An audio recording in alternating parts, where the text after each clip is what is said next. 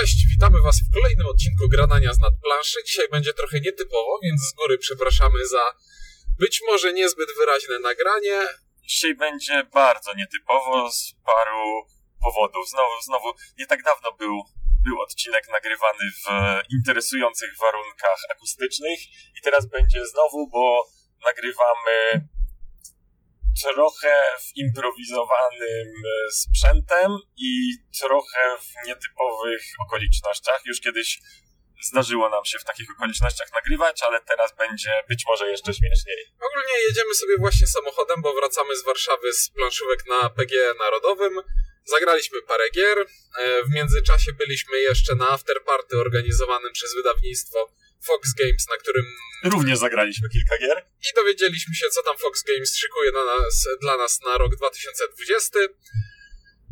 Ja prowadzę samochód, Ciuniek, i mogę czasami mieć zwiechy w mówieniu.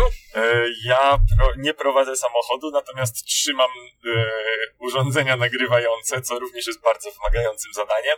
I teoretycznie to ja powinienem mieć mniejsze zwiechy, e, ale w związku z tym, że jesteśmy obaj poza tym od e, siódmej rano, a niektórzy od szóstej na nogach, więc może, może nasz przekaz nie być tak płynny, jakbyśmy chcieli, ale i tak spróbujemy coś Ale- przekazać. Bądźcie spokojni, jedziemy sobie powoli i ostrożnie, jakby co, to będzie nasza czarna skrzynka. No więc, e, powinniśmy chyba zacząć z, od, e, od Foxa, prawda? Tak ustaliliśmy, No, że, tak, tak, że, tak, że, tak. że zaczniemy od Foxowego spotkania, czyli podobnie jak rok temu zostaliśmy zaproszeni wraz, wraz z różnymi innymi przedstawicielami mediów planszówkowych i okołoplanszówkowych, przeważnie mediów poważniejszych od nas, e, do e, knajpy na sp- spotkanie, na którym przedstawione były e, kolejno plany wydawnicze Fox Games na rok 2020, a później zostało nam umożliwione zapoznanie się z niektórymi z tych planowanych gier do wydania w sposób praktyczny, czyli zagrania w nie po prostu. No i krótka piłka taka. Co myślisz o sa- samej prezentacji? Bo w zeszłym roku było tych tytułów bardzo dużo i mieliśmy o czym rozmawiać. W tym roku część tytułów z poprzedniego roku się przesunęła, jak na przykład London Martina Wallace'a, który jeśli dobrze pamiętam jest zaplanowany, żeby pojawić się w lutym Tak 2020. jest? Tak, to, tak, tak właśnie. E, I pokazanych zostało parę jeszcze innych tytułów, ale ja odniosłem wrażenie, że no było tego mniej niż w zeszłym roku. Pytanie, czy to nie było tak jakby wrażenie tylko, dlatego że jakby były one prezentowane jednak w znacznie bardziej skróconej formie. To znaczy, o części z nich nie do końca dowiedziałem się, co, o czym tak naprawdę będzie gra. Bardziej tak jakby ogólny temat, czy, czy, czy wrażenie. Być może z tego powodu wydaje się, że tych, że tych premier jest trochę mniej, ale nie wiem, może powinniśmy je po prostu policzyć, ale nie będziemy ich teraz liczyć. Tak więc skupimy się tylko na tym, co tak naprawdę udało się nam e, zagrać w ten wieczór. E, Ale, czyli y, przebiegniemy bardzo szybko po zapowiedziach? No przebiegniemy dawaj. bardzo szybko po zapowiedziach. E, Więc po pierwsze były zapowiedzi tych rzeczy... Aha, y, zostały wspomniane właśnie, tak jak mówisz, te rzeczy, które nie zostały, nie, jednak nie zmieściły się w roku 2019, y, czyli to był Londyn. y, I co jeszcze? I teraz nie potrafię powiedzieć, y, co to, co to było jeszcze. To była pierwsza pozycja na e, tym, tym, na prezentacji. E, wydaje mi się, znaczy na pewno były wspomniane dodatek, drugi dodatek do Sagrady. E, Tak, I- tak, e, do, do, dodatki to, to ja, ja tutaj mam, mam spisane. Na pewno jest to drugi dodatek do Sagrady, czyli Sagrada Passion. Na pewno jest to dodatek do Flamme Rouge, ten taki Peleton. Bar, peleton, czyli ten dodatek rozszerzający do bardzo wielu graczy i wprowadzający też modyfikacje w wariancie na, na, na mniejszą liczbę graczy. E, Z Illusion, już pamiętam. Ilu, no właśnie, e, właśnie, widziałem, że to była jakaś ta e, pierwsza, pierwsza rzecz. E, z zapowiedzi takich, nie wiem, czy będących całkowicie nowościami, ale pierwszą taką zapowiedzią, którą można powiedzieć, że jest, że, że, że, że jest zapowiedzią wnoszącą e, coś, czego nie wiemy i może się nie spodziewaliśmy, to było The Mind Extreme. The Mind Extreme, czyli... Jeszcze dziwniejsza wersja najdziwniejszej gry, powiedzmy, gry ost- karcianej ostatnich lat od nieśmiertelnego pana Wolfganga Warsza, który stwierdził, że gra nie musi mieć mechaniki, tylko wystarczy, że będzie o liczeniu i jakoś I to będzie robiła ja, ja, jakieś rzeczy z głową graczy. Po prostu to co, to, to, co gracze z nią zrobią, będzie samo w sobie tą, tą nazwijmy to, rozrywką. I co, dowiedzieliśmy się z tej prezentacji, jaka będzie różnica? Nie, nie, nie, nie mam pojęcia. Więcej wyzwań, ale nie wiem, jak to Uważaj. interpretować. E, chwila przerwy, bo ktoś stoi na środku drogi. I jedziemy Ale dalej. dało się go ominąć, więc możemy kontynuować. Y, Kolejną zapowiedzią był kolejny Deckscape, czyli y, po naszemu Escape Room. E, Tak, i to ta klątwa... E, Sfinksa. Klątwa Sfinksa albo zagadka Sfinksa jeszcze nie wiemy do końca. E, Work in progress tłumaczenia. Tak, no cóż można powiedzieć o Deckscape'ie? Będzie tak jakby jest to kolejna, kolejna już część. Nie wiemy, co będzie w środku, nawet gdybyśmy wiedzieli, to nie moglibyśmy wam powiedzieć, więc no będzie kolejny Deckscape. Ale będzie też kolejna wariacja na temat e, Deckscape'a od tego samego oryginalnego wydawnictwa. E, Tak jest, czyli Escape Room Kryminalne Zagadki. Krwiste Róże. E, Czyli będzie to... To tam dwie rzeczy e, kupują e, wizualnie tą, e, tę grę. Po pierwsze jest trójwymiarowe miejsce zbrodni, e, Tak, które wygląda na ilustracji w ten sposób, że wyobraźcie sobie, że bierzecie sobie pudełko do, takiego, do takiej małej karcianki i część kart pionowo w to pudełko wkładacie, także stoją i tworzą taką dioramkę. Na ilustracji widzieliśmy, że to jest plac, budynek i plac przed budynkiem. E, tak jest. A, a mechanicznie, wygl- nie wiemy jeszcze, jak będzie to wyglądało mechanicznie, ale z tego, co słyszeliśmy, rozgrywką może to przypominać e, Sherlocka, którego niedawno Tak, wydała ponieważ nasza miały być tam jakieś e, wskazówki, które ma jeden z graczy i którymi może się dzielić, albo może je odrzucać. E, co bardzo, bardzo sugeruje na pierwszy rzut ucha podobieństwo do Deckscape'a, na, e, znaczy Do do, Sher- Sherlocka. do Sherlocka. Natomiast, no, jak, jak bardzo to będzie to samo, albo jak bardzo to będzie inny pomysł, no to będziemy musieli się dopiero dowiedzieć, dowiedzieć w szczegółach.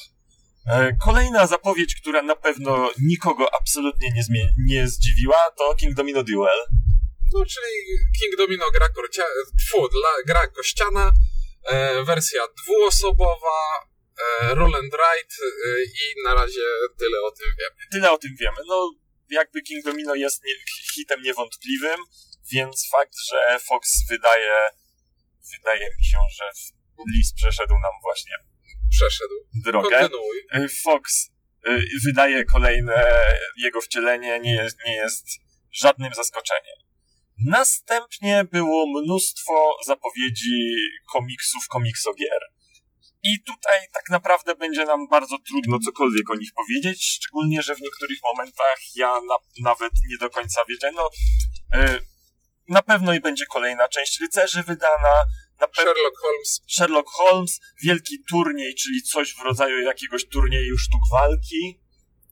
Eee, Sherlock Holmes miał być. Najba- Dwa Sherlocki Holmesy. Najbardziej cwany pomysł e, to wydaje się ten, w którym w jednym pudełku dostaniemy cztery komiksy paragrafowe do, Z punktu widzenia. do równoległego czytania przez czterech graczy i to będzie jedna historia z punktu widzenia postaci, którymi ci gracze sterują, więc I to jeśli... brzmi jak bardzo. In...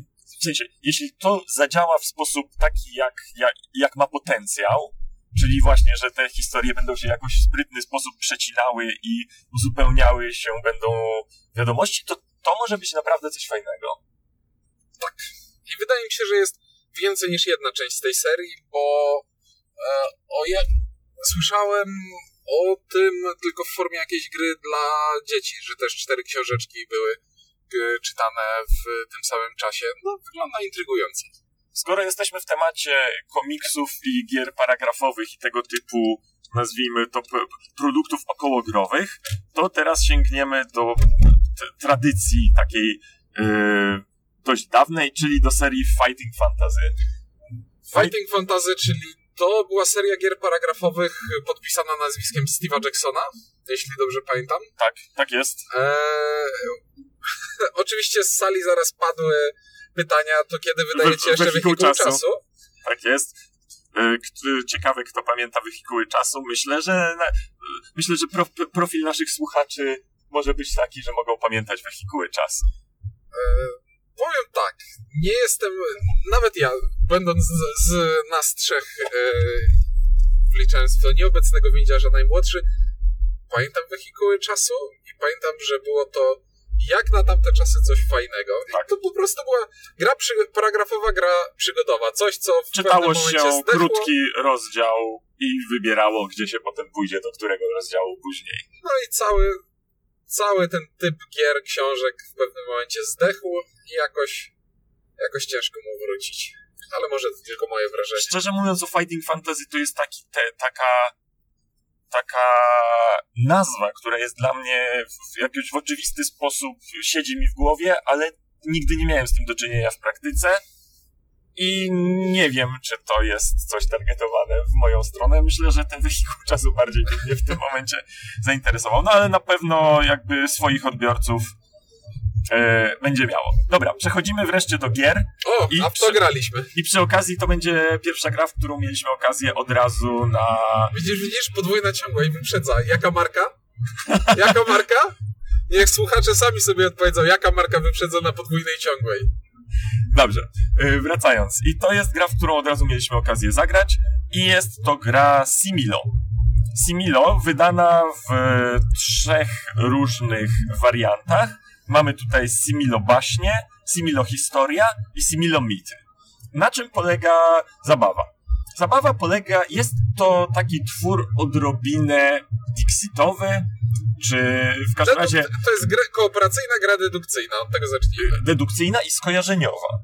E, polega to na tym, że powiedzmy, my, myśmy akurat mieli do przetestowania wariant z baśniami. Mamy e, e, talię kart, gdzie każda z kart jest to jakaś postać ze znanych baśni. No to jest Królewna Śnieżka, albo e, Zła Wiedźma z Czarnoksiężnika z Krainy Oz. A, a kto to jest Wilki Lis? Nie, Nie. kot i lis. Nie wiem, co to jest, nie wiem, co to jest kot i lis, ale może... Mo, może mam jakieś braki w wykształceniu, ale większość rzeczy kojarzy. No, kluczowe postacie z najbardziej znanych bajek, albo nie wiem, no, Złoczyńcy. y, albo nie wiem, Alicja w krainie, w krainie czarów trudno mi jest nazywać bajką, ale, ale w każdym razie z, z, z bajek i, ba, i bajkopodobnych rzeczy. I teraz mamy talię tych postaci.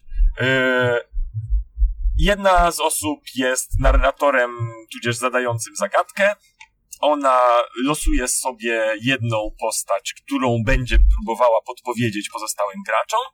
E, Następnie dociąga do tej postaci 11 innych kart, tasuje i rozkłada na stole.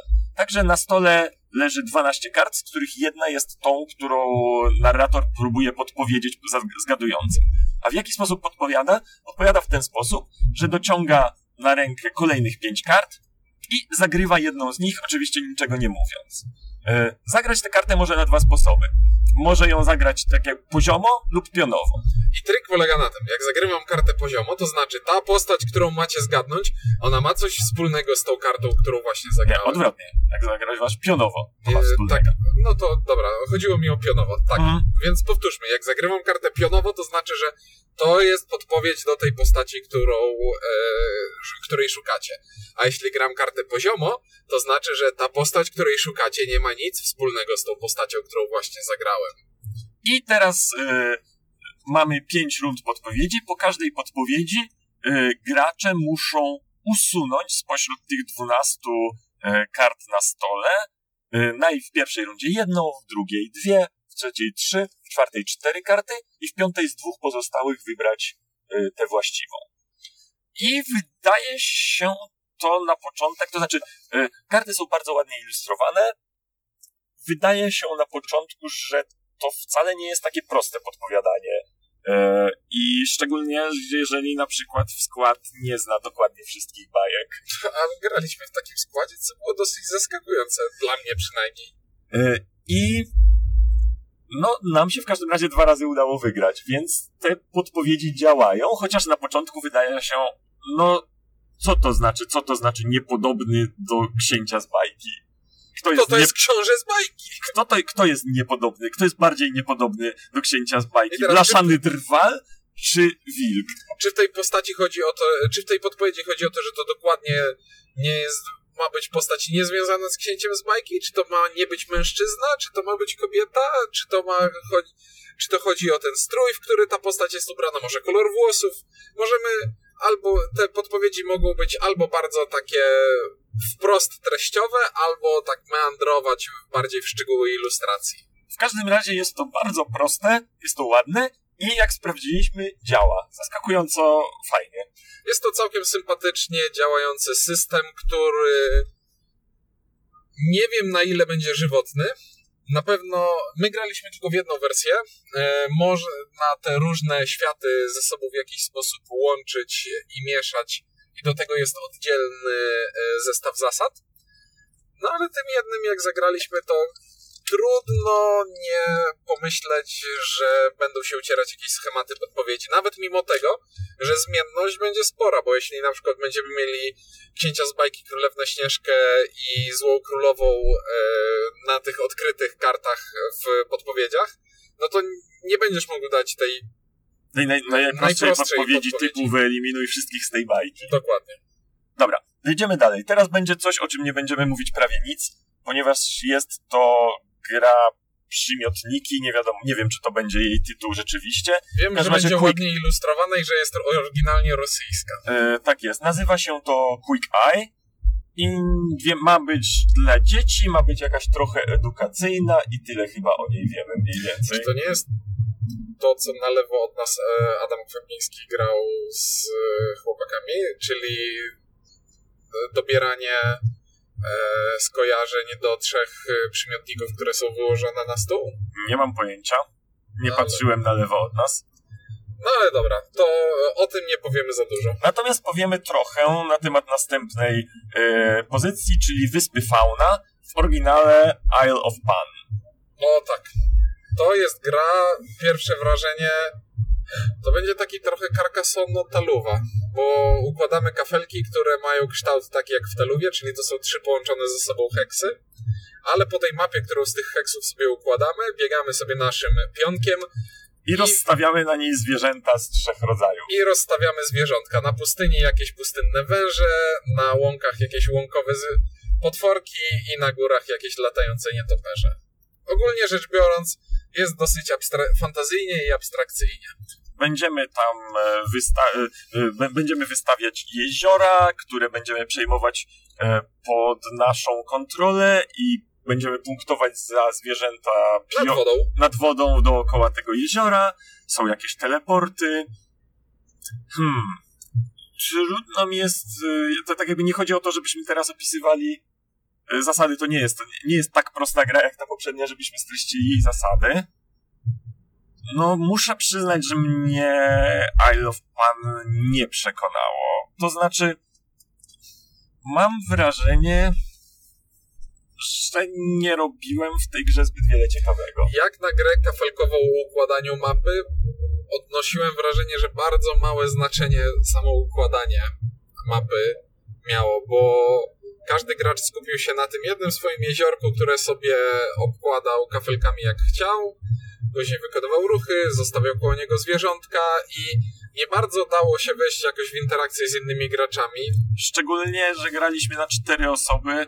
No, w czteroosobowej grze y, trudno jest raczej y, oczekiwać, że ktoś będzie aktywnie działał przeciwko jednej innej osobie, no bo to wtedy się samemu zostaje w, y, w tyle, jeżeli się tego nie robi przy okazji swoich działań. To jest gra, w której ciężko. W Kark- jak gramy w Carcassonne, to w Carcassonne zawsze jest to, to ryzyko, że przeciwnik podepnie się do tego, co ja buduję i też na tym jakoś skorzysta. Tutaj jak rozeszliśmy się bardzo szybko na różne strony świata, to, to groźba podpięcia była taka raczej dość odległa. Mapa rosła zdecydowanie szybciej w stosunku do tego, co na tej mapie było do roboty, więc w każdym swoim ruchu musieliśmy dołożyć kolejny kafel, kolejne trzy pola. I od pewnego momentu po prostu dokładanie kafli stało się sztuką samą dla siebie, bo już dalsza część planszy nie była nam potrzebna, skupialiśmy się tylko na tym, co już ułożyliśmy w pierwszej, jednej, trzeciej rozgrywki. Oczywiście trzeba wziąć poprawkę na to, że graliśmy w warunkach e, ten knajpowo-konwentowych, więc no, da, dalekich od idealnych, więc być może tak jakby coś, coś nam w tych warunkach umknęło, ale w każdym razie z, z tych pozycji, które widzieliśmy, no nie, nie jest to ta, która przykuła naszą, naszą uwagę. E, następnie mamy najlepszą grę o kotach. To była gra, w którą ja grałem, Windziarz w nią grał i jestem prawie pewien, że Ink też z nami w nią grał i wyparł ją z pamięci. Wypieram się tej, tej, tej, tej sugestii. Nie grałem w żadną grę, gdzie można psikać na kota. To jest gra e, draftowa, która w oryginale nazywała się Cat Lady. I tam myk polegał na tym, że e, chcieliśmy zbierać e, zestawy kart i to były koty, jedzenie dla kotów i różne koty potrzebowały różnego jedzenia Czasem do, jak daliśmy kodu kocimiętkę, to dawał nam więcej punktów, bo się robił szczęśliwy. Czasem nie chcieliśmy, żeby jakiś kod do nas przyszedł, bo nie mieliśmy go czym nakarmić i za to mieliśmy punkty karne, więc mo, jeśli wcześniej zebraliśmy sobie taką psikawkę z wodą, to jak kod do nas przychodził, to można było mu psiknąć w twarz tą psikawką i on do nas uciekał. E, od nas uciekał. I to było, i to tyle klimatu w tej grze, który był cał, całkiem, to jest całkiem dużo klimatu. Całkiem zabawny. E, a mechanicznie to wygląda mniej więcej w ten sposób, że leży sobie siatka kart 3 na 3 9 kart na stole i w swojej turze mogę zabrać dowolny wiersz albo dowolną kolumnę i zablokować możliwość brania pewnego wiersza lub pewnej kolumny dla kolejnego gracza. Czyli zbieramy sobie zestawy i zastanawiamy się, co zablokować, e, żeby jak najbardziej pokrzyżować e, plany kolejnemu graczowi. Trwało to, nie wiem, 10-15 minut, było zaskakująco szybkie, dosyć losowe, całkiem przyjemne, ale grałem na tyle dawno, że już więcej mi się zatarło. Okej, okay, no ja tutaj niczego, niczego nie dodam. Bo, bo wyparłeś. Bo wyparłem i staje się, że nawet to, jak było coś o tym mówione na prezentacji, to zmarnowałem ten czas na wypieranie się e, tego, że kiedykolwiek z tą grą miałem coś wspólnego. E, następna pozycja, kolejna z serii absolutnie zaskoczenie dla nikogo, czyli Dziennik 29 Przebudzenie, czyli kontynuacja Dziennika 29, podobno trochę bardziej fabularna. I teraz z białą okładką. Tym razem z białą okładką. No i co tu dużo gadać? No, jeżeli wiecie, co to jest Dziennik 29, to to będzie więcej zagadek w stylu Dziennika 29. I lecimy dalej, jest jeszcze Dziennik Zagadkowa Podróż, czyli Dziennik 29 dla, młod, dla młodszych odbiorców. Eee, niewymagający do gry aplikacji i napisany od początku do końca i zilustrowany przez polskich autorów. No, i to jak... Oryginalny produkt Fox Games. Okej, okay, teraz jest pozycja, na której mi się zupełnie się zwiesiłem i nie, nie mam pojęcia o co chodziło. To był Draw albo Rolling Doodles. Wiem, to było, to, wiem, to, to było... Draw i Rolling, bo to była gra, Rysowanie który... o roz... Y, gra o rysowaniu na kostkach. To... E... Widziałem, że było to do zagrania, ale nie zagraliśmy, ale jak e, słuchałem o czym to jest, to wydawało mi się tak abstrakcyjne, że aż niemożliwe. Wyobraź sobie e, grę, w której e, wyobraź sobie grę Piktomanię na przykład, Aha. taką mhm. standardową. Dostajesz słowo i masz narysować to słowo tak, żeby inni zgadli. Ale zamiast kartki papieru dostajesz kostkę. I na tej kostce masz narysować sześć różnych rysunków, które wszystkie odnoszą się do tego słowa. I jak przychodzi moment na to, żeby e, inni zgadywali, to ty rzucasz tą kostką i nie wiesz... Jednego z nich nie będzie. I jednego z tych rysunków nie będzie widać. Wow. Brzmi to dziwnie. Jakich rozmiarów były te kostki? Bo ja tego nie eee, widziałem na Takie wielkości mojej dłoni, a niektórzy mówią, że jak, mam jak bochen chleba. Okej, okay, czyli tam jest gdzie, jest gdzie rysować jest, na tym. ale nie wygląda... Czuję wewnętrzny opór przed czymś takim.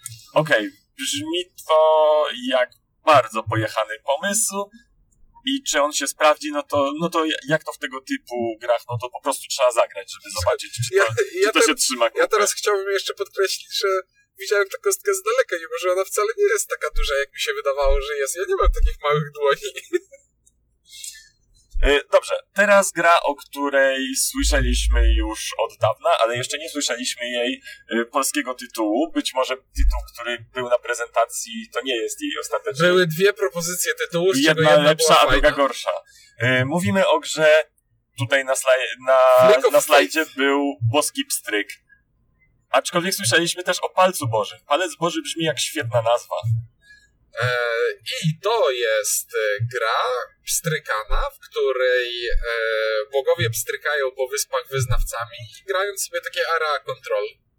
I jest to oburzające, że jeszcze nie zagraliśmy w tę grę. Tak, a mogliśmy zagrać w to na Falconie, na, zdaje się, bo było. A tutaj nawet autor był. Pozdrawiamy Janku. No i nie zagraliśmy. I, ale, Prze- przepraszamy Janku. ale jestem bardzo, bardzo zainteresowany możliwością e, po- popstrykania sobie wyznawcami, więc, więc no, mamy duże nadzieje. Great Expectations. Ha, Następną pozycją na, w prezentacji było Yokai. Nie mam pojęcia. Znaczy, mam blade pojęcie. To jest gra kooperacyjna o układaniu w układy zakrętych kart. E, i przekazywaniu sobie informacji, która jest, która jakiejś niejawnej, ale to tak teraz rzeźbimy z niczego. I mocno. więc przechodzimy dalej. E, Dalej co są Zombie Kids, czyli Zombie Kids, czyli remake strasznego Zamku. z, z dworu, Straszny dwór, straszny zamek. O nie! straszny dwór, Wyleciał mi teraz. Straszny dwór. chyba. E, gra, w której... I to jest gra, w której e, młodzież w wieku szkolnym walczy sobie z zombiakami i mamy element legacy, w którym postacie zdobywają między grami nowe zdolności, zombiaki się rozwijają, mamy zamknięte koperty, mamy walkę, mamy małą planszę, proste zasady, małe pudełko, same pozytywy. Ale to jesteśmy chyba za starzy już. Żeby... No, znaczy dla mnie jakoś, nie wiem, pomysł na setting najpierw wydał mi się kuriozalny, ale no z drugiej strony ja jakby nie jestem z żadnej strony w okolicach targetu tego, więc nie wiem, może teraz dzieci strzelają do zombie. O, kolejna zwiecha. Mia London. O nie, to, e, to jest e, też jakaś gra z książką. A wiem, to tak jest przekładaniem, że się te stwo- stwory składają z jakichś... To, to tak. tak... Nie wiem. Nie powiemy o tym nic ciekawego, idziemy dalej. Y, Tym bardziej, że o następnym będziemy mogli mówić, bo jest to, i to jest tak zwana ta duża zapowiedź. Duża zapowiedź e, w oryginale nazywa się It's a Wonderful World, a u nas bardzo ładnie będzie nazywać się Nowy Nowy Wspaniały, wspaniały Świat. świat. Chciałbym powiedzieć, że y, jeżeli, zakładając, że kojarzycie, co to jest Nowy Wspaniały Świat, to nasz tytuł jest dużo bardziej ponury niż oryginalny. W każdym razie, Nowy Wspaniały Świat jest to gra draftowa, w której budujemy naszą, rozbudujemy naszą cywilizację w taki bardziej futurystyczny sposób. To znaczy, cywilizacje są niekoniecznie futurystyczne, bo ja na przykład grałem w to, bo, bo graliśmy w to, muszę wspomnieć. A tak. E, e, udało nam się zagrać. E, ja na przykład grałem Aztekami, którzy nie są zbyt futurystyczną cywilizacją, ale to, co budujemy, to jest, ra- to są, to, to, to są raczej futurystyczne pomysły i zasadniczo chodzi o to, że draftujemy karty metodą 7 cudów siedem cudów, ale, Ale- nie zagrywamy ich od razu, tylko przez całą rundę draftu zbieramy je u siebie, a następnie z kartami, które wsz- wszystkie karty, które draftujemy, to są budynki, możemy zrobić jedną z dwóch rzeczy. Albo spróbować je zbudować, czyli wyłożyć na, po, w, na pole do, do przyszłej budowy, albo odrzucić w celu uzyskania zasobów. I tutaj jest trik. Trik polega na tym, że jeśli zarabiam jakiś zasób, na przykład poprzez odrzucenie karty e, w celu pozyskania tego zasobu, to od razu muszę ten zasób przeznaczyć do budowy jakiegoś budynku, który sobie zaplanowałem. Bo jeśli nie mam co zrobić z zasobem, to nie mogę go sobie kumulować do wykorzystania w przyszłości, Znaczy tak troszkę można, ale po bardzo niekorzystnym kursie. więc lepiej zaplanować sobie budowę w taki sposób, żeby wszystkie zasoby wykorzystywać jak trzeba. Drugi twist jest taki, że y, zasadniczo budynki budujemy głównie po to, znaczy no poza jakimiś punktami, y, głównie budujemy je po to, żeby zwiększać naszą produkcję zasobów. I y, kiedy mamy już te budynki zbudowane, to następuje faza produkcji, która jest o tyle ciekawa, że każdy zasób jest rozpatrywany osobno w odpowiedniej kolejności. Czyli najpierw produkujemy y, zasoby jedne, jednego rodzaju, powiedzmy sz- szare. Teraz, w momencie, kiedy je wyprodukujemy, to możemy je natychmiast, znaczy nawet musimy, ponieważ inaczej się marnują, przeznaczyć na budowę innych budynków. Jeżeli dzięki temu zbudujemy kolejne budynki, to one już w tej samej fazie produkcji załapią się na, na, na produkcję kolejnych zasobów. E, I jest jeszcze jeden twiścik.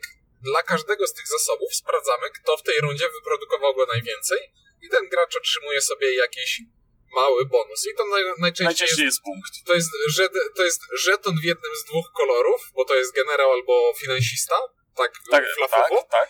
E, I Który przekłada się na może to, być punktem, a gdzie niegdzie jest również zasobem. I można kupić sobie budynki, które sprawiają, że e, żetony konkretnego koloru będą warte więcej. I teraz muszę powiedzieć, że pomimo. Pierwsze moje wrażenie było takie, że mm, ale jak będziemy grać draft, w którym e, nie mamy podzielonej talii na to, że to są karty na początek gry, te są na środek, te są na koniec, to tam ekonomia mi się rozjedzie. Tak, i takie było zresztą wrażenie przy pierwszej ręce, no bo y, na początku mamy wynikającą z naszej nacji produkcję rzędu trzech zasobów konkretnych, a dostajemy na rękę budynki, które wymagają ośmiu do zbudowania i to kompletnie nie tych, które, które sami produkujemy. I myślę, kiedy ja zbuduję ten budynek za osiem? Jakim cudem? Co ja mam z nim zrobić w pierwszej rundzie? Ale co się okazało? Okazało się, że e, wcale nie trzeba bać się wyrzucania budynków po to, żeby zdobyć zasoby, żeby zbudować sobie dosyć szybko jakiś drogi budynek. Bo jeśli budynek jest drogi, to znaczy, że pewnie będzie dawał nam jakiś spory przychód. No i zaczynamy budować sobie tę naszą kulę śnieżną, która coraz szybciej, coraz mocniej produkuje zasoby i produkuje, i produkuje, i rozwija. I jest to bardzo fajne, bo gry tego typu przyzwyczaiły nas do tego, że koszt, przychody i koszty w kolejnych rundach się skalują. Tak jak spójrz na Siedem Cudów Świata, gdzie Mhm. na, Co masz- z tego, że produkują dużo więcej, skoro budynki wymagają Analogicznie więcej analogicznie kosztów. więcej, więc tak jakby nadal tyle samo mogę zbudować. A w tej grze, przez to, że mamy ten kumulatywny przychód, gdzie zarabiam, wydaję, zarabiam trochę więcej, wydaję i to rośnie, rośnie, rośnie, to daje wrażenie takiego fajnego rozwoju. I to są wrażenia po pierwszej partii, gdzie to E, To widać że widać, że to może się sypnąć w pewnym momencie. Znaczy, nie wiem na ile to będzie żywotne i ciekawe, ale po pierwszej partii mam ochotę próbować grać dalej. tak, byliśmy jeszcze zapewniani, że gra jest mocno e, interaktywna jak na tego typu grę. E, trudno nam było to sprawdzić, bo graliśmy w dość improwizowanych warunkach, a przede wszystkim Przy żółtym oświetleniu. przy bardzo słabym oświetleniu, więc e, pewnym wyzwaniem było e, tak jakby śledzenie tego, co się dzieje na naszym własnym tableau, a co dopiero zerkanie, co robią inni. Mhm. Ale w każdym razie powiem tak, nie miałem odczucia e, spotkania z wielkim przebojem, ale na pewno z czymś, w co chciałbym zagrać kolejny raz w lepszych warunkach e, oświetleniowych i tak jakby w bardziej spokojnych warunkach i to może się okazać być całkiem, całkiem fajna gra. W przygotowaniu jest też jakiś dodatek, którego będzie niewielki nakład i który będzie znowu chyba wprowadzał jakiś pseudo-element legacy z rozwojem e, E. frakcji pomiędzy scenariuszami. E, Tak, coś takiego. W każdym razie ja, ja, jakieś scenariusze, kampanie czy coś takiego. Tak jest. Nazywa się to Wojna i Pokój. Wojna albo Pokój, przepraszam. No i jesteśmy tą grą, łącznie z tym dodatkiem, jesteśmy względnie zainteresowani, być może nawet plus. Tak jest. I to jest koniec e, prezentacji e, Fox Games. Poza tym było miło, spotkaliśmy się tam ze znajomymi e, i i tyle opowieści o Foxach, ale poza tym, że byliśmy na afterparty Fox Games, to byliśmy też na tym narodowym, od którego Ciuniek zaczynał opowieść. I udało nam się zagrać zawrotne 5 gier. zawrotne 5 gier. Znaczy, no tak naprawdę to niewiele więcej robiliśmy na Narodowym, bo przyjechaliśmy grać w gry. Nie no, i Nie, cię- i jeszcze przyjechał kupić grę, ale mu się nie udało. przyjechałem kupić grę Dżem Dobry od e, Rebela i nie mieli. Oburzające. I to nie to, że się skończyła, po prostu nie dojechała. No, jak można takiej, takiej dobrej gry nie sprzedawać. No, ale za to e, pograliśmy w różne gry. Nie mieliśmy jakiegoś wielkiego planu, żeby zagrać konkretne tytuły, ale parę, parę tytułów nam się nasunęło. E, no cóż, e, e, parę tytułów po prostu, częściowo zagraliśmy po prostu w to, do czego się udało dopchać. Tak, bo sporą część planszówek standardowych spędziliśmy na jojczeniu na tym, że trzeba stać i czekać. Dobrze, ale przejdźmy do gier, bo zasadniczo będziemy mówić o grach. Pierwszą rzeczą, do której udało nam się dostać, to znaczy tak naprawdę to weszliśmy na halę wystawców, I rozejrzeliśmy się po niej i, pat- i patrzymy i hmm, co to są łowcy potworów? A, to jest nowa gra Richarda Garfielda. Siadamy? Siadamy. Wydawnictwo G3, autor Richard Garf- Garfield, mechanika Draft. Jakbym chciał być złośliwy, to bym powiedział, że to są takie królestwa królików bez planszy. Mm, s- mówiliśmy y, przed chwilą o grze z draftem i o problemach wynikających z tego, że nie ma, że nie ma osobnych talii i że na początku się draftuje tłuste, tłuste karty, z którymi nie ma, nie ma co zrobić. No więc tutaj też się draftuje z jednej talii i też można wydraftować szybko tłuste karty, z którymi nie ma co zrobić. Gra polega na tym, że zbieramy sobie egzotyczne zwierzątka e, i robimy sobie z nich wystawę menażerię. I w grze występuje parę rodzajów kart, z czego dwie podstawowe to e, Y, tereny lądy, a druga to potwory zwierzątka. I teraz, żeby y, takiego potwora zwierzątko móc zagrać, czyli przerobić go na punkty, to trzeba mieć teren, w którym on żyje, na odpowiednim poziomie. Y, s- żeby tereny mieć na wyższym poziomie, to trzeba najpierw wyłożyć tereny z niższego poziomu, żeby móc z kolei zagrać kartę wyższego poziomu. One się tam sumują do tak jakby sumy wartości legowiska, do którego możemy tam y, y, zagrywać te kolejne Jak potwory. mam, jak mam wiwernę, która potrzebuje trzech lasów, to to mogą być albo trzy lasy z jedynką, albo jeden las z jedynką. Jeden jeden las las z dwójką, dwójką. który żeby zagrać musieliśmy najpierw mieć las z jedynką. Dokładnie.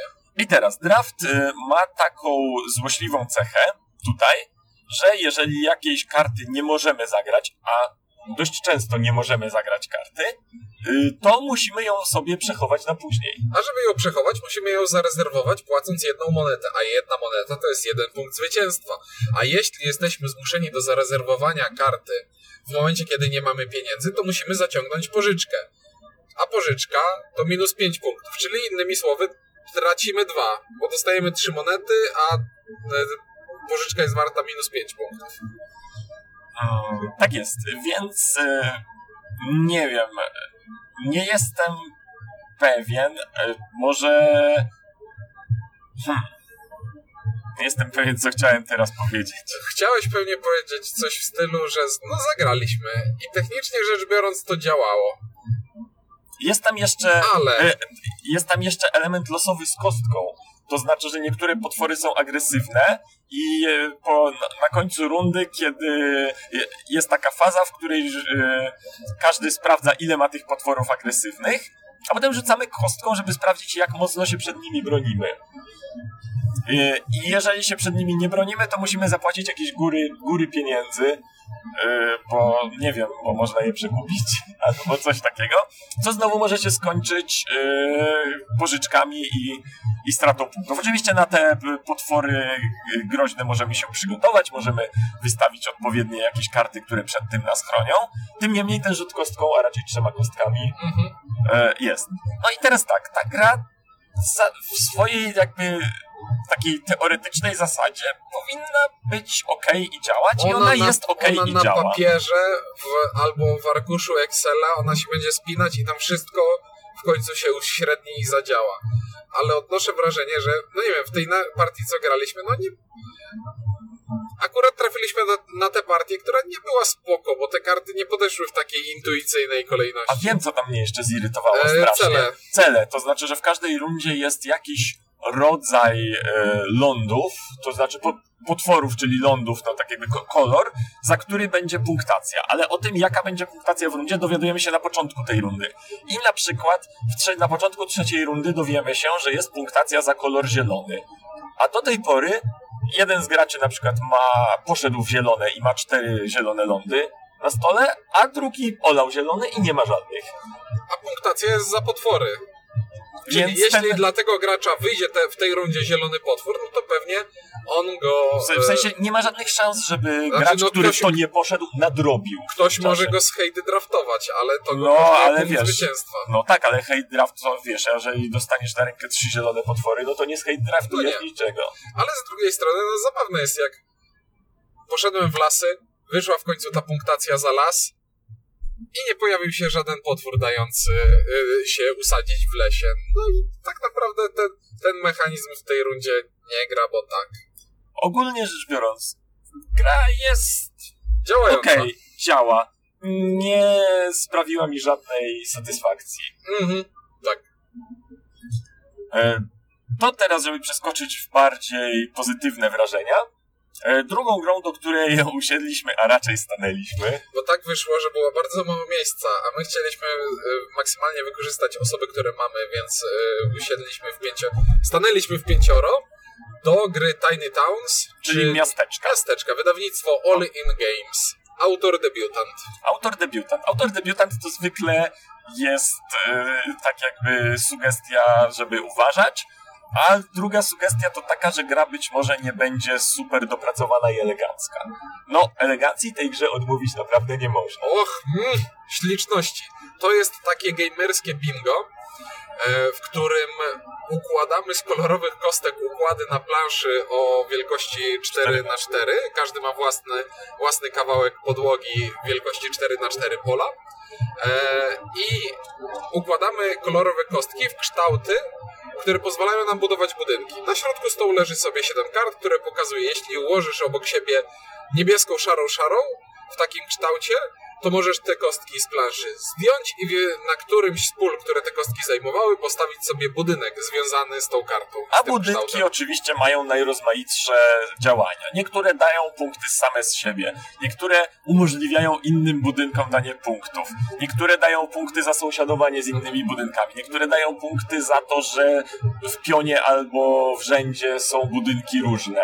A dlaczego powiedziałem, że to jest gamerskie bingo? Ponieważ moja tura wygląda w ten sposób, że po pierwsze biorę taki duży drewniany młotek, który jest znacznikiem gracza aktywnego, stukam nim sobie w blat i mówię, a teraz wszyscy biorą drewno i każdy bierze drewno i układa je u siebie na planszy.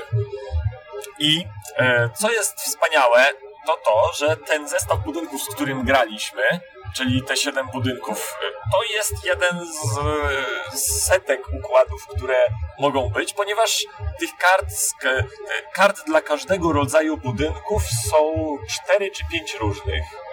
To jest coś, o co faktycznie mogłem spytać, ale tego nie zrobiłem, ponieważ byłem za bardzo wciągnięty.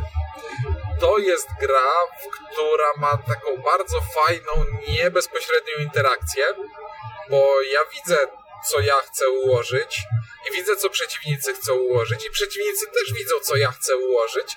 No i tak meandrujemy, że kto, kto w końcu z, z, się złamie i weźmie te cegły, a może ja nie wezmę jeszcze cegły, tylko liczę na to, że to Inkieł weźmie w swojej turze i ja ułożę sobie coś innego w takim miejscu, co by mi pasowało i tak Bo- wyczekujemy się, wyczekujemy. A pod koniec partii wręcz to jest tak, no bo na, na początku no to sobie układamy te kosteczki, ułożyłem cztery kosteczki, zwijam je, stawiam jeden budynek, ale w pewnym momencie tych budynków się robi na planszy więcej. E, Tych kosteczek się robi też tyle, że w którymś momencie w końcu nam się e, ułożą tak, że ich nie zwiniemy do budynku i plansza zaczyna się zapychać, a plansza to jest 4 na 4 czyli 16 pól, czyli zapchać ją można szy- szybciej niż wolniej.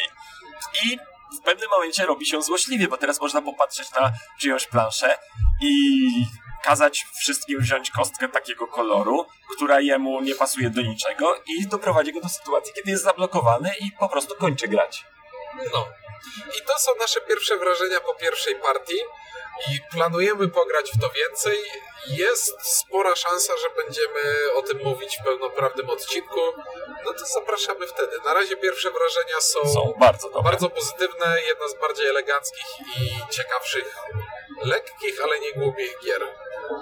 E, dobrze.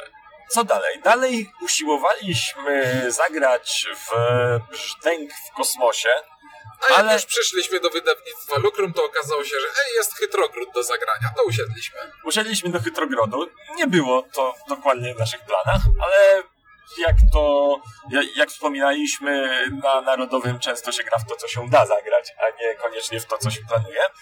Y, usiedliśmy do Chytrogrodu, czyli gry w...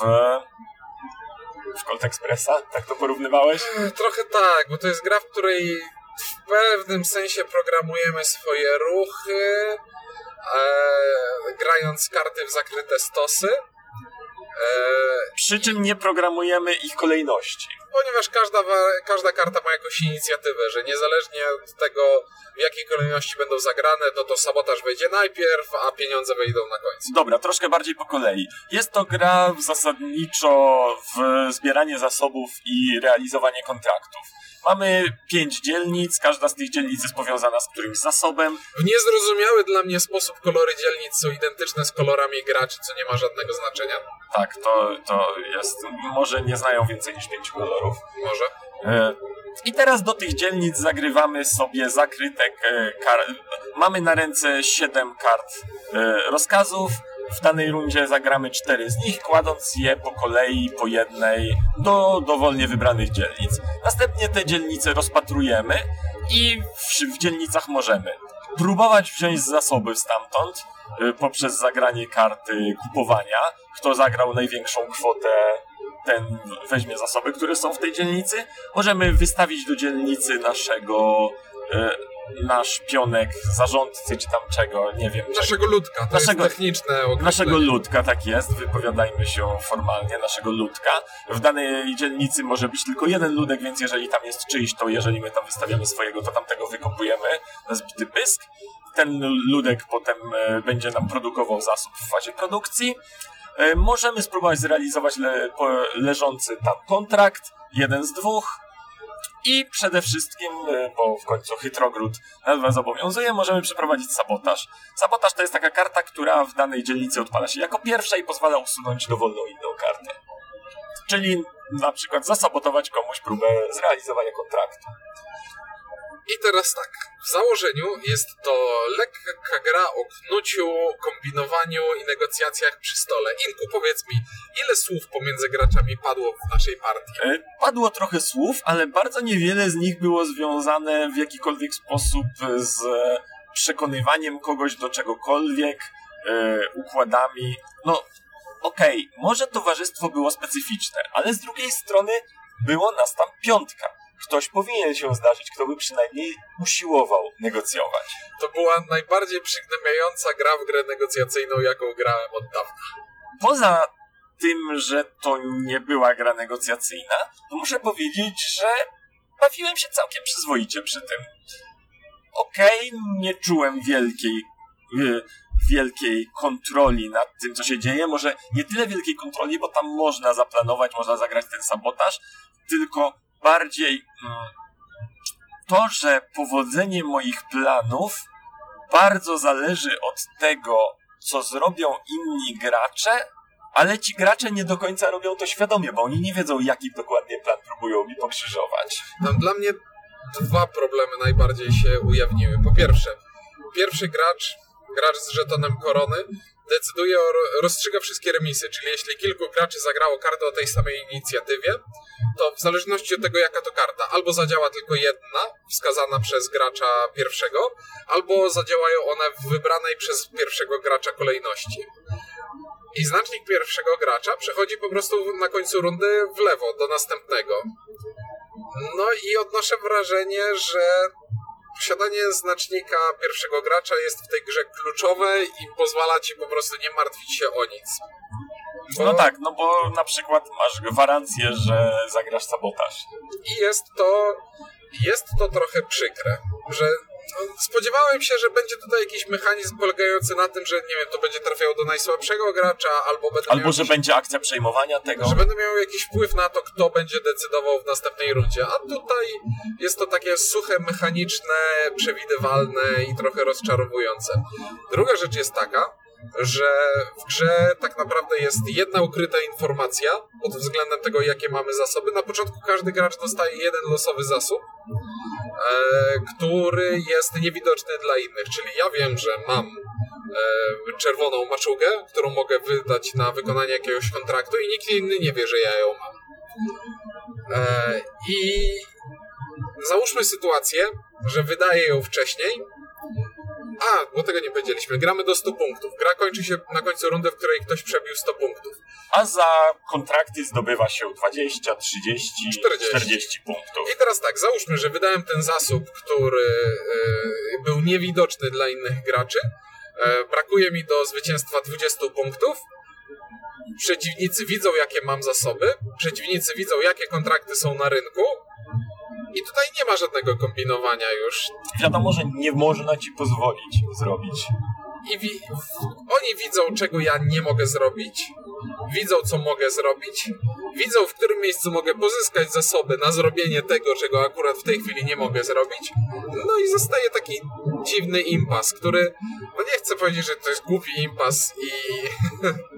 Ale no było to dla mnie niesatysfakcjonujące zupełnie. To by, zrobiło się męczące, przewidywalne, mechaniczne, suche. Och, nie zażarło dla mnie. Tam jest jeszcze trochę taki problem, że udane zasabotowanie komuś kluczowej akcji to jest naprawdę taki kopniak, yy, szczególnie jeżeli to jest akcja realizacji kontraktu, a potem kto inny zrealizuje ten kontrakt, czyli go przewinie. Mhm. No to jest taki kopniak naprawdę potężny, bo jeżeli już się uzbierało zasoby na któryś duży kontrakt i potem mało, że się go nie zrobiło w danej rundzie, to jeszcze się już go nie zrobi w przyszłej, bo już go nie ma, no to jest dość, dość, e, dość mocny kopniak. Natomiast ja, tak, tak jak wspominałem, ja nie mam aż tak jakby negatywnych odczuć. Ja się bawiłem stosunkowo dobrze przy całej świadomości tego, w co gram. No dobrze, ale w końcu zwolnił się ten stolik z klankiem w kosmosie, brzdękiem. Brzdękiem w kosmosie albo klankiem in space. E, I to jest gra, o której już wiemy, że na pewno będziemy ją recenzować w pełnym odcinku, więc na razie e, pierwsze wrażenia nasze są takie, że jest spoko. Jest spoko. Jest, y, jest to dobry brzdęk, który dodaje fajne rzeczy, który usprawnia pewne rzeczy, które były niedoskonałe i który jeszcze ma dużo z naszego punktu widzenia lepszy flaw. E, dwie fajne zmiany, które zostały wprowadzone są takie, że w normalnym brzdęku można zagrać tak, że wpadam szybko do podziemi, łapię najtańszy artefakt i wyskakuję na zewnątrz. A tutaj, zanim pójdę po artefakt do ładowni statku, muszę po drodze przy- zrobić sobie tego traskę i kliknąć dwa checkpointy. I dopiero jak kliknę dwa przyciski z większej liczby tych przycisków, które są na statku e, dostępnej, kliknę sobie dwa przyciski i dopiero mogę wejść do skarbca. To jest bardzo fajne. Y, I to sprawia, że no, brzdęk to jest gra deckbuildingowa. Fajnie by było, gdyby, gdybyśmy zdążyli ten, tą, tę swoją talię zbudować i jeszcze z tego skorzystać. W brzdęku podstawowym, jeżeli ktoś zagrał tak naprawdę tako, tak na krótko, to zdarzało się tak, że po prostu nie skorzystało się z tego, co się kupiło. No i fajny jest jeszcze taki szczegół, że jak już uciekamy z tego statku kosmicznego, to wystrzeliwujemy się kapsułą. Jak kapsuła jest wystrzelona, to jej już nie ma. Więc na statku są cztery kapsuły w czterech różnych miejscach. I to nie jest tak, że wszyscy uciekamy do tego samego wyjścia. Fajne. Fajne. E, no i jest jeszcze wprowadzony mechanizm Star Realmsowy, O, to jest bardzo fajna rzecz. Czyli kar, tak jak w recenzji zwykłego brzdęka mówiliśmy o tym, że no te karty jakoś ze sobą bardziej się kombują z planszą niż ze sobą, no to tutaj wprowadzili Star Realmsowe kolory, czyli o, to jest fioletowa karta. Jeśli zagram dwie fioletowe karty, to odpalą się ich dodatkowe zdolności. Czasami jedyne zdolności. Przeważnie to są dość mocne zdolności. Mocniejsze niż na przeciętnej I karcie. to jest fajne, bo to dodaje do, kolejny poziom do budowania swojej talii. Tak i różnicuje, bo jeżeli już zacząłem iść w te fioletowe, to będę raczej kupował fioletowe, żeby mi się odpalały za każdym razem, a nie po prostu kupował najfajniejszą kartę, która w danym momencie leży na displeju. A, no i jest jeszcze taki szczególik, że plansza jest modularna, złożona z puzli i będzie wyglądać różnie w różnych e, układach, w różnych partiach. No same plusy. Tak jest. No to zdecydowanie jest, jest gra na plus. Zresztą no, jest to brzdęk, który nam się podoba, tylko lepszy, co nam się jeszcze bardziej podoba. A o szczegółach będziemy, albo jeszcze raz o tym samym będziemy mówić w osobnym odcinku.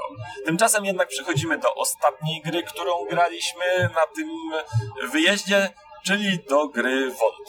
Pan Emerson Matsuchi, autor e, Century Spice Road, tym razem w grze wydanej o, e, przez, u nas przez Galaktę, grze o programowaniu ro- robotów i walkach robotów i Ink jak usłyszał programowanie i roboty, to się zaślinił i pobiegł Tak od razu Po, prosto na stoisko. pobiegłem, ponieważ programowanie ruchów to jest jakby mój taki, no taki mechanizm, który po prostu zupełnie irracjonalnie mnie zawsze kręci i ja muszę spróbować. E, I to jest gra w pojedynek robotów na arenie, e, ewidentnie inspirowana w niektórych elementach Roborally. Ponieważ mamy arenę, mamy na tej arenie punkty, na których na których chcemy się zatrzymywać, żeby zdobywać punkty i mamy dziury, w które sto, staramy się nie wpadać, natomiast wpychać przeciwników i owszem, bo za to również są punkty. Mhm. E, programujemy natomiast ruchy w bardzo prosty sposób. Mianowicie mamy do dyspozycji cztery kostki, dwie niebieskie odpowiadające za ruch, dwie czerwone odpowiadające za strzały i za zasłonką umieszczamy je, nie rzucając nimi, tylko ustawiając je dowolnie, na takich e, różach wiatrów, które pokazują, w którą stronę chcemy się ruszyć albo w którą stronę chcemy strzelić. W każdej rundzie gry będą trzy tury, więc zaplanuję trzy kostki. Czyli będzie, nie wiem, ruch, strzał, ruch, albo ru, ru, strzał, strzał, ruch, albo coś takiego. Liczba oczek na kostce odpowiadającej za ruch pokazuje, o ile pól się poruszę. Ponieważ czasami chcemy się poruszyć jak najszybciej, a czasami chcemy przeczekać i ruszyć się dopiero po tym, jak ktoś na przykład wejdzie między nas a dziurę. a liczba oczek na kostce odpowiadającej za strzał e, pokazuje tylko jak szybko chce strzelić. Jedynka strzeli szybciej niż szóstka, ale jedynka ruchu poruszy się szybciej niż jedynka e, strzelająca strzeli.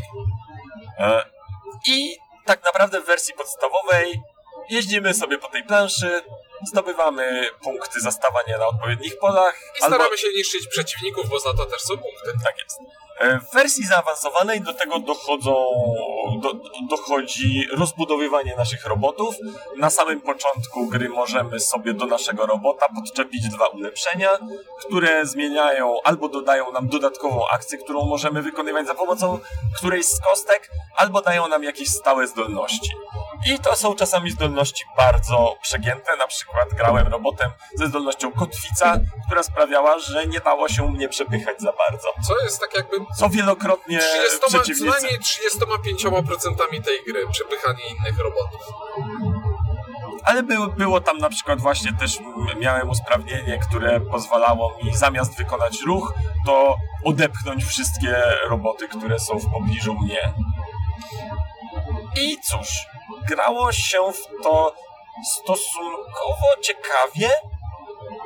Jak mówię, inspiracja Roborelli w niektórych elementach była dla mnie oczywista. Dla mnie była dosyć frustrująca, ponieważ to jest gra, która specjalnie zaciemnia pewne mechaniki tylko po to, żeby zdezorientować gracza. Ponieważ wszystkie ruchy, które planujemy, em, planujemy nie patrząc na perspektywę tego, jak ułożona jest plansza, tylko na perspektywę tego, w którą stronę patrzy nasz robot. Czyli jeśli zaplanujemy sobie, że teraz ten robot pójdzie w prawo, to on się jednocześnie obróci i planując ruch w następnej turze, musimy już brać pod uwagę to, w którą stronę robot patrzy, a nie to, w którą stronę chcemy poruszyć się na planszy. Natomiast po powrocie do domu okazało się, że ta gra wcale nie działa tak, jak została nam wytłumaczona. I ruchy robotów faktycznie odbywają się w odniesieniu do brzegu planszy, a nie w odniesieniu do tego, w którą stronę robot patrzy. Można więc spokojnie ominąć tę część naszego jojczenia. Za chwilę będziemy mówić też o planszy. I tutaj też chwila na komentarz z przyszłości. Okazało się, że w pudełku znajdują się cztery plansze do wyboru. My widzieliśmy tylko jedną. No dla mnie jako dla weterana Roborelli to było, to, to, to mi nie przeszkadzało i no ja w takiej grze uważam, że im więcej błędów popełniają gracze, tym jest weselej, więc to mnie akurat bardzo cieszyło, jak Ciuniek pojechał w przeciwną stronę niż mu się wydawało, że będzie jechał. Ale z tej perspektywy frustrowałoby mnie to zdecydowa- zdecydowanie bardziej w grze, która trwałaby długo. A tutaj partia trwała ile? 15 minut? Maksymalnie 15 minut, więc zagraliśmy dwie, o, od razu dwie, e, dwie po kolei, jedną właśnie z ulepszeniami, jedną bez ulepszeń. E, ogólnie to było całkiem przyjemne, natomiast nie porwało mnie tak bardzo, jak, jak mi się wydawało. Nie zachwyciło mnie tak bardzo, jak mi się wydawało, że programowanie robotów mnie zachwyci. Wydaje mi się, że z tego pomysłu dałoby się wyciągnąć więcej. Już samo to, że plansza jest statyczna i za każdym razem taka sama, środkowo symetryczna, dziury zawsze w tym samym miejscu, żadnych ruchomych elementów. No już w drugiej partii stwierdziłem, że no dobra, to ja już widziałem to wszystko, może coś by się zmieniło, ale niekoniecznie. No także tak naprawdę tutaj zabawą będzie standardowe e, przechytrzanie przeciwnika. Ja wiem, co ty zrobisz, więc ja teraz się ruszę tak, że jak ty się ruszysz tak, jak ja myślę, że się ruszysz, to ja cię zepchnę do dziury. I co, i chyba będziemy kończyć, bo nie zagraliśmy nic więcej. Nie zagraliśmy nic więcej. E, Próbowaliśmy na Narodowym dostać się e, do hali z prototypami, których było całkiem dużo prezentowanych i o ile do hali dostaliśmy się, to do żadnego stolika z prototypem już nie udało nam się, gdyż e, zainteresowanie nimi było bardzo wysokie i każdy stolik miał osoby, był zajęty już przez grających i jeszcze otoczony chętnymi do kolejnych partii. Ale przez chwilę patrzyliśmy przez ramię na rozgrywkę Entity Piotrka Piechowiaka i trafiliśmy akurat na moment, w którym gracze rozkminiali, że ale słuchaj, on musiał strzelić do mnie stąd i przeciągnąć w to tutaj, więc musiał pójść w tamtą stronę i stwierdziliśmy, Po tym jednym zdaniu to chyba będzie... to może być spoko. Tak. To, to, to, jest gra, którą, którą warto by było sprawdzić. No, tak więc e, zegar pokładowy pokazuje godzinę 1.09. E, do Lublina mamy jeszcze około 70 km. E, tak więc E, Głosy mamy już zdarte Zachwytnięte. dość konkretnie, bo grając e, e, w pubie i w- tam tłumacząc zasady i próbując się komunikować, no tam trzeba było operować głosem troszkę, troszkę mocniej niż, ni- niż jesteśmy do tego przywykli. Tak więc zachrypniętym głosem mówimy dobranoc, mówili dla Was Ink i Ciuniek. Dzięki i do usłyszenia w kolejnym odcinku.